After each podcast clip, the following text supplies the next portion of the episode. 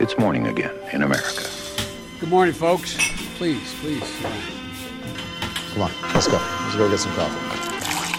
Thank you very much.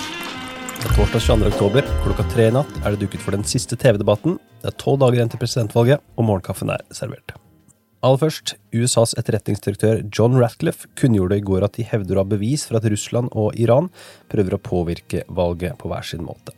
Blant annet ved å sende velgere feilaktig og villedende informasjon.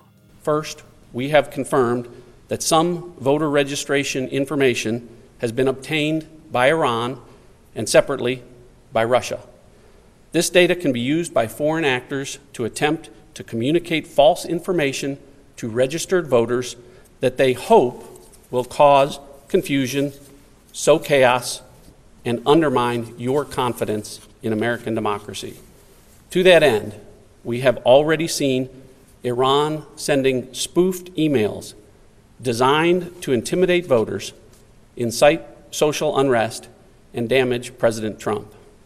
You may have seen some reporting on this in the last 24 hours, or you may have even been one of the recipients of those emails. Additionally, Iran is distributing other content to include a video that implies that individuals could cast fraudulent ballots, even from overseas. This video and any claims about such allegedly fraud, fraudulent ballots are not true. Og Mitt Romney har allerede stemt. Han stemte ikke for Trump, sa han, men vil ikke si hvem han stemte på. Dagens første sak, Enchange Research og CNBC-måling viser at hele 91% av sannsynlige velgere nasjonalt er ekstremt motivert til å stemme ved høstens valg. 44 millioner forhåndsstemmer har allerede blitt registrert, og valgdeltakelsen sett under ett vil kunne bli høyere enn tidligere denne høsten. I målingen kommer det fram at 53% av Bidens velgere sier de allerede har stemt, mens tallet er 25% for Trump. 93% av Bidens vippestatsvelgere sier de er ekstremt motivert, og 94% sier det samme for Trump. Selv om Biden allerede har evnet å få en god porsjon av sine velgere til å forhåndsstemme, peker eksperter på at denne ledelsen fort kan spises opp av republikanere med høyt oppmøte på selve valgdagen. Innad i målingen kommer det også fram at Biden leder med ti poeng nasjonalt, men at det er vesentlig jevnere i de viktigste delstatene. Dagens andre sak, Trumps 60 Minutes-intervju.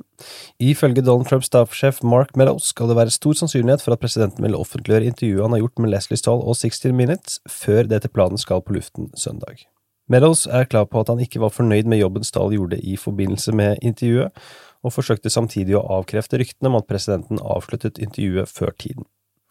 Trump skulle etter planen også spille inn et intervju sammen med visepresident Mike Pence, noe presidenten skal ha valgt å droppe. CNN-journalister har i etterkant av intervjuet sagt at det store fokuset på koronapandemien var hovedårsaken til at Trump fikk nok.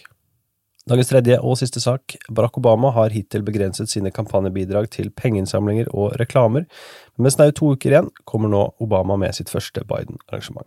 He hasn't shown any interest in doing the work or helping anybody but himself and his friends or treating the presidency like a reality show that he can use to get attention. And by the way, even then, his TV ratings are, are down. So you know that upsets him. Obamas bidrag kom i form av drive-in-arrangement i Philadelphia onsdag, og valget av Pennsylvania understreker hvor viktig delstaten er for Biden-kampanjen. Det kommer ikke noen utgave av Morgenkaffen i morgen, for da kommer det en egen debattspesial av 2020, og da rekker vi rett og slett ikke å spille inn Morgenkaffen. Men vi er tilbake i neste uke, og i morgen så må du da få med deg 2020, der vi oppsummerer den siste TV-debatten. Dagens utgave av Morgenkaffen er servert av Henrik Skotte og undertegnede Are Togflaten. Sjekk gjerne ut patrion.com ampol, der du kan lese mer om hvordan du kan støtte oss i innspurten av denne valgkampen.